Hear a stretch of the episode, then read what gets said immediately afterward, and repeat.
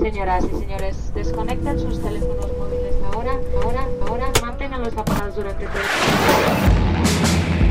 el Bienvenidas y bienvenidos a Urbex, Urbex Tours. ¿Harto del turismo de masas? Descubre el turismo de lugares abandonados. Urbex. ¿Le va la adrenalina? ¿Las emociones fuertes? ¿El misterio? ¿Las telarañas? ¿El polvo? ¿Los cristales? ¿La historia? Urbex Tours con Miriam Duque e Inco Martín. Nosotros le damos las opciones. Su destino lo elige usted.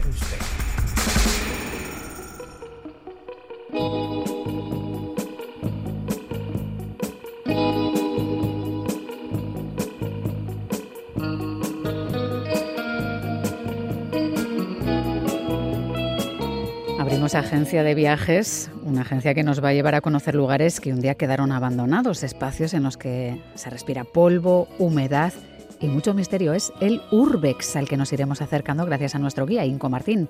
Inco, ¿qué tal?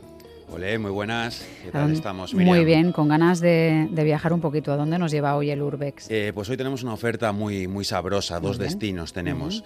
Tú piensas que en todo viaje, una de las partes fundamentales, a veces para alguna gente la más, es el alojamiento. Y a los alojamientos también les llega, como no, su San Martín, su paso a una mejor vida. Este paso se puede llevar pues, de mil maneras, por ejemplo, demolición, eh, cambio de función, eh, o de convertirse en carne de urbex, lo que viene siendo dejándose acariciar por la belleza del abandono. Bueno. Así que hoy tenemos oferta de alojamiento urbex. Eso es, algunos tienen ya pinta de abandono antes de haberse cerrado, ¿eh? Eh, sí, sí, supongo que me hablas de alojamientos proclives al chinchilleo, cucaracheo, sábanas raídas, pelambreras en los desagües, callámonos ya.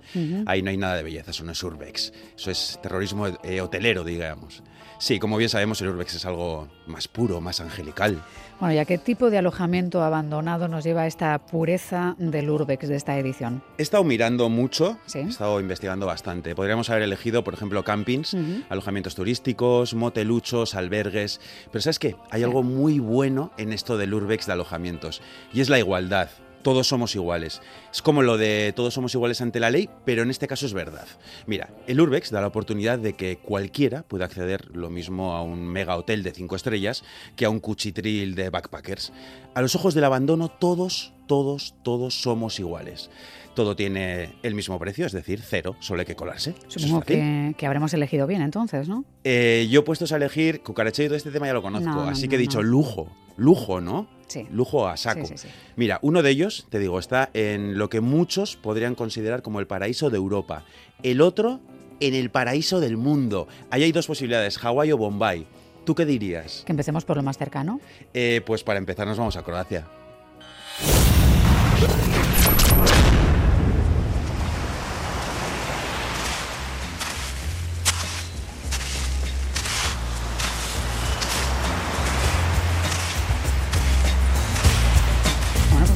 Que está muy bien esto de llegar a los destinos urbex paseando por la playa. ¿no? Es que hoy va a ser la leche, Miriam. Hoy vamos, o sea, además es muy sano, ¿eh? Mm. Aire fresquito, masaje de pinreles, salitre Sí, para el cutis, sí, que es bueno. No está nada mal este enclave, ¿eh? naturaleza, agua cristalina, es, Chocazo, es una chocazo. maravilla. Mm. Chocazo, chocazo. Esto Muy es un buen bien, lugar buena para. elección. Sí, sí. Un lugar como, por ejemplo, para plantar un, pues un hotel deluxe. Mira justo ahí adelante, entre los arbolitos, detrás de la playa. Hombre, de lujo a día de hoy al menos no lo veo, Mm. pero grande sí que es, aunque bastante bien escondido. Eh, sí, puestos a elegir morada urbex, pues tiremos de polvo y telarañas de nivel jet set. Estamos en Croacia, al norte de un pueblito llamado Malinska, que está en una isla llamada Krik. Y aquí, a escasos metros de estas bellas aguas y abandonado a su suerte a día de hoy, está el mega hotel resort Haludovo Palace. Tanto lujo como para llamarse Palace. Palace. A este nivel. Sí, sí, no te, no te haces a la idea, mía. Estamos ante una joya arquitectónica de estilo brutalista, como puedes ver, construido en el año 1971 por el arquitecto croata Boris Magas. Aquí hay pistas de tenis, boleras, saunas, jardines colgantes, fuentes, Fuentes. y piscinas, sí, de lo más extravagantes además, Eh, la decoración más cool y cara de aquel momento y algo muy importante, un casino. Coste total de toda esta obra, 45 millones de dólares. De Y- aquella época. Eso ¿eh? te iba a decir, de aquella época. Del ¿Y- ¿Y, 71. quién estaba detrás de tal derroche con la chequera? Te voy a dar una pista a ver si aciertas. Mira, eh, te sirve de pista que el casino se llamaba Penthouse Adriatic Club. Penthouse, como la revista Penthouse. Bingo. como la revista porno. Tras el hotel Haludovo Palace estaba el estadounidense Bob Guccione, que es el fundador de Penthouse. ¿Y por qué lo fundó en Croacia precisamente? Eh, pues mira, por una cosa era muy listo, era un lince este. En 1967, eh, pues Yugoslavia abrió sus fronteras y sus brazos al inversor extranjero. Y había unos requisitos muy laxos en cuanto al juego y a la declaración de impuestos. Eso hizo que pues, se viviera una especie de boom en esto de los casinos. Y Bob debió de enterarse, vete a tú a saber cómo, y se dijo, para Croacia que nos vamos, pero ya. Pero claro, tampoco se limitó solo a hacer el casino, claro. Claro, ya puestos y en un lugar, como puedes ver, tan mágico como este, pues decidió crear una especie de pues paraíso con todo lo necesario para que la jet set, tanto estadounidense como británica sobre todo, diese rienda suelta a eso, a sus ansias de goce y desenfreno, y de paso se dejase los cuartos, quintos, sextos y tira. Total, que este paraíso, pues nada, fue inaugurado en el verano de 1972, como no, con una ostentosa bacanal. Un fiestorro que pues también era parecido a los que se daban prácticamente todos los días en el Jaludobo Palace. Fiestas Miriam flipa, en las que se consumían unos 100 kilos de langosta por noche. Por noche. Tenían hambre. Unos 5 kilos de caviar, eh, donde las piscinas se dice que estaban llenas de champán. Pues hay mucha piscina, ¿eh? Sí, sí. Eh, luego, para secarse no sé cómo sería, pero va, bastante asqueroso, te digo yo. Y donde eh, las modelos de penthouse pues curraban como azafatas y croupiers. Bob, el fundador, llamaba a las, a, las, a las azafatas estas las soldadas de la Guerra Fría. Supongo que pasaría por este punto la florinata europea. Y mundial, y mundial, sí, sí. Cientos de famosos tanto del mundo del cine, de la música, política, deporte. Te voy a mencionar así dos que dudo bastante que compartiesen habita. Tenemos al, primer, al ex primer ministro sueco Olof Palme y a Saddam Hussein ni más ni menos. Supongo que de su caída no tuvo que ver un ataque de ética generalizado, pero sí que pasó algo, ¿no? ¿En qué momento empezó a torcerse la cosa aquí? Eh, pues mira, la fiesta al final, pese a que fue muy intensa, mucha langosta, mucho caviar, pues no, no duró mucho. Al año todo empezó a torcerse. Cambios de leyes, problemas con los sindicatos locales, que no venía tanto cliente como esperaban, hmm. y algo que dolió mucho, pero mucho, mucho en el corazoncito a Bob el estigma social del penthouse, que vale que, a Bob le gustaba mucho esto de la pasta, pero Bob en el fondo solo quería lo mejor para todos. Mira, esto es lo que dijo en una entrevista allí en Croacia. Todavía existen ideas falsas sobre Yugoslavia como un país detrás del telón de acero, en el que un hombre de negocios o alguien que busca entretenimiento no encontraría nada. El penthouse también se enfrenta a muchos prejuicios, dudas y falta de comprensión. Creo que todo esto es, sobre todo, fruto del desconocimiento. Incluso la propia Guerra Fría es consecuencia de la ignorancia. Gracias a la realización de este proyecto, tenemos la oportunidad de iniciar un gran proceso de reeducación. Nos hemos convertido en socios para eliminar las dudas, y la ignorancia. acabar con la ignorancia es siempre un objetivo glorioso, ah, pero que, que suele ¿eh? costar, ¿no? Y claro, aquí se empezó a venir abajo el castillo. Sí, la puntilla de todo esto fue una ley que prohibía que los casinos fuesen propiedad extranjera. Así que para esquivar esta ley y los problemas de money, pues el resort pasó a manos de una empresa croata llamada Brodocomerc. Esta empresa borró el nombre de Penthouse, o sea que quitó el estigma, la marca del diablo, se alejó de las ostentaciones y del dinero por la borda y siguió funcionando únicamente como hotel. Total que, pues mira, consiguieron ser rentables. Sin embargo, finales de los 80 la cosa se puso muy cruda en Yugoslavia y con la guerra pasó a ser, eh, pues pasó de hospedaje de la jet set a hospedaje de refugiados. Y ya entiendo que no volvió a recuperar su brillo, ¿se quedó así abandonado o pasó por etapas intermedias? Eh, no, mira, tras la guerra llegaron los amigos de lo ajeno, algo muy típico en el Urbex, y arrasaron. Sí, sí, mm. lo dejaron pues después este complejo, lo que quedaba de él. Claro, pese a estar abandonado, fíjate dónde estamos, seguía, seguía, valiendo unos 27 millones de eurazos y fue pasando de manos del Estado a manos de diversos empresarios sin que ninguno eh, pues pusiese la pasta, la pasta suficiente como para, para sacarle un poco de brillo, de mm, aquel brillo que tuvo en aquel día. Demasiado dinero para, para reflotar este, este buque, enorme buque. Sí, sí, es que esto es enorme, es, eh, es tremendo. Ahí hace falta muchísimo dinero en inversión, mucho trabajo, porque es una mole y eso multiplica el dinero que hace falta para cometer reformas. Todo el mundo lo sabe, a poco que haya hecho alguna pequeñita en casa. Sí, sí, pues si vale el lugar 27 millones de euros, imagínate reformarlo. De todas maneras, ni tan mal. O sea, tú fíjate alrededor, te gusta el pálido color de la piscinita vacía esa de Sí. ahí, la luz que entra por los tragaluces destrozados. Los jardines colgantes. sí, de zarzas y maleza a día de hoy, eh, desconchadas paredes. Esto es, son quilates y quilates de puro urbex, la belleza del abandono en su máximo esplendor. ¿Tú qué prefieres, esto o langosta? Hombre, Dime. esto, esto dónde va a parar, Esto, ¿no? ¿no? Claro que sí. ¿Tú qué crees que se come, por ejemplo, en Hawái? Comida típica de Hawái. Pues no sé si ensalada o pastel de coco. Coco. Oye, pues no me Coco. extrañaría nada, ¿eh? Vamos a descubrirlo. Hawái.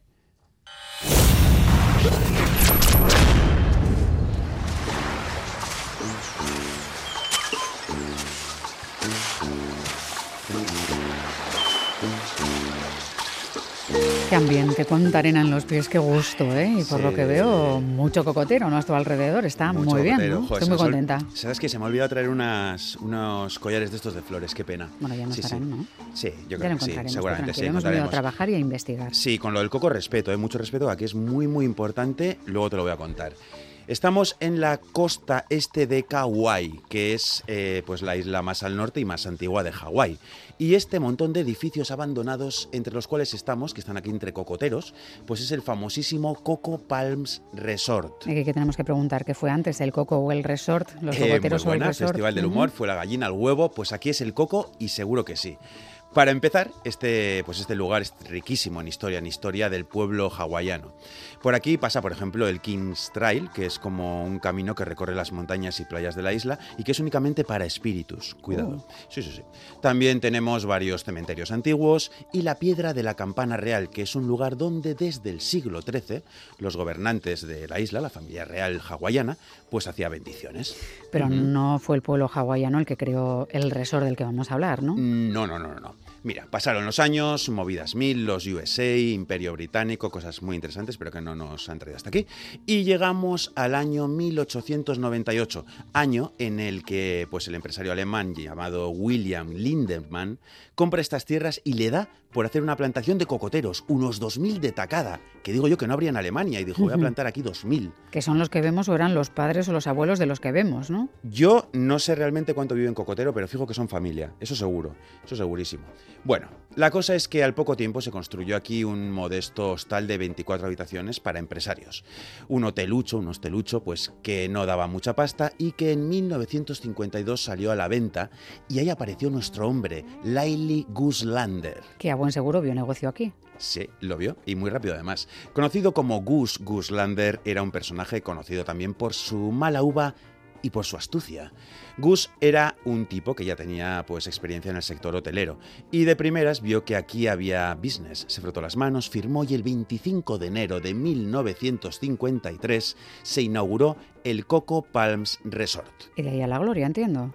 Eh, sí, pero no fue Gus, sino otra persona la que fue clave en el éxito del Coco Palms, la buena de Grace Busher. Una mujer de 43 años, nacida en Pensilvania y que derrochaba encanto. Una mujer muy creativa, enérgica y con habilidad natural para esto de ser anfitriona. Grace era la hermana de un colega de Gus Guslander y este, con su buen ojo, pues para eh, con su buen ojo para los negocios, pues no dudó ni un instante en darle el timón del negocio. Así que Gus vio el negocio y Grace lo llevó adelante con gran diligencia. Ejecutó. digamos. Sí, sí, sí.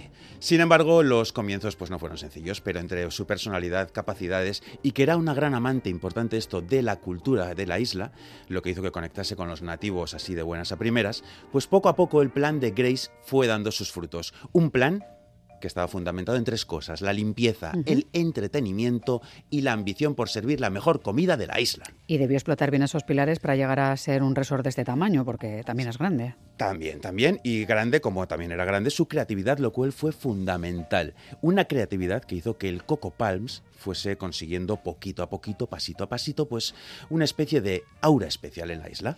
¿Y cómo lo logró? ¿Cuál era su don para lograrlo? Pues mira, aparte de que tenía bastante inventiva la señora, o sea, se inventaba unas historias muy chulas que encandilaban a la clientela, o a cómo decoró el lugar, eh, pues fusionándolo a la perfección con esta belleza que tenemos alrededor, pues a la buena de Grace se le ocurrió cositas como, por ejemplo, ofrecer la posibilidad a los clientes de plantar cocos, algo que conectaba a la clientela con la isla, Sí. con la llamada experiencia hawaiana, y que hizo que la plantación de cocoteros renaciese y creciese aún más, así tal y como está.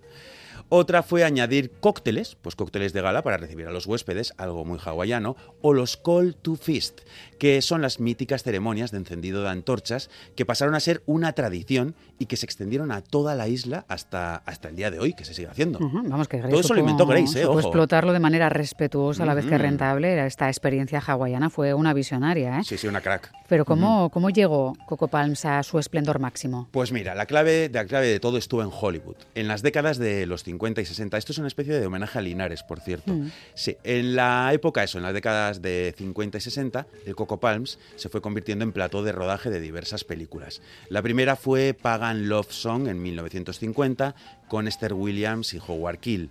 Luego vino Birds of Paradise, Aves del Paraíso. También estuvo por aquí Rita Hayworth, rodando eh, Miss Sadie Thompson, titulada aquí como La Bella del Pacífico, y decenas de películas que llevaron a Coco Palms a convertirse en la estrella hotelera de Hawái. Un lugar donde podías cruzarte en los pasillos no a las niñas del resplandor, que igual nos las encontraríamos a día de hoy. En aquella época te encontrabas a Peñita así como Frankie, como Frank Sinatra, Elvis, Elvis Presley, el cual rodó en el resort la mítica escena de la boda de Blue Hawaii. La del río, el barquito, las flores, la capilla. Esa, la misma te suena, ¿no? Ajá, ¿La has sí. visto? Sí, sí, Sí, Pues sí, mira, sí. gracias a Elvis y a esa escena eh, de la película de Blue Hawaii, como hemos dicho, pues parejas y parejas se hospedaron en el hotel para casarse recreando esa mítica escena. Más o menos eh, se celebraban, o sea, bastante, 500 bodas al año. Vaya, no 500 está- no personas está venían a mal. casarse Supongo aquí. que así empezó la debacle porque se le fue un poco de las manos el negocio a Grace, ¿no? Eh, Con ese número de, sí, de bodas. Sí, aquí esto, vamos, vamos, se expandió, vamos. Pues el Coco Palms creció a lo grande y ampliaron hasta 400 habitas. Abrieron habitas incluso de lujo, suites especiales a 500 dólares de aquella época la Bueno, noche. 60 es mucho dinero, ¿eh? 60, 70, 500 dólares, ojo, ojo. Y bueno, empezó a entrar tanta pasta que en 1969 Gus se le alfilaron los colmillos y no pudo resistirse a una oferta del grupo ANFAC y vendió Coco Palms. Sin embargo, tanto él como Grace pues siguieron gestionándolo. Y tras la subida llegó la caída, entiendo. Eh, ¿Qué ocurrió? ¿No funcionó la pues venta? sí, eh, año 1984, fatal, Gus falleció. Y poco después Grace se nos jubiló. Ahí las florecitas de los collares de flores pues eso empezaron a marchitar y las antorchas a apagarse.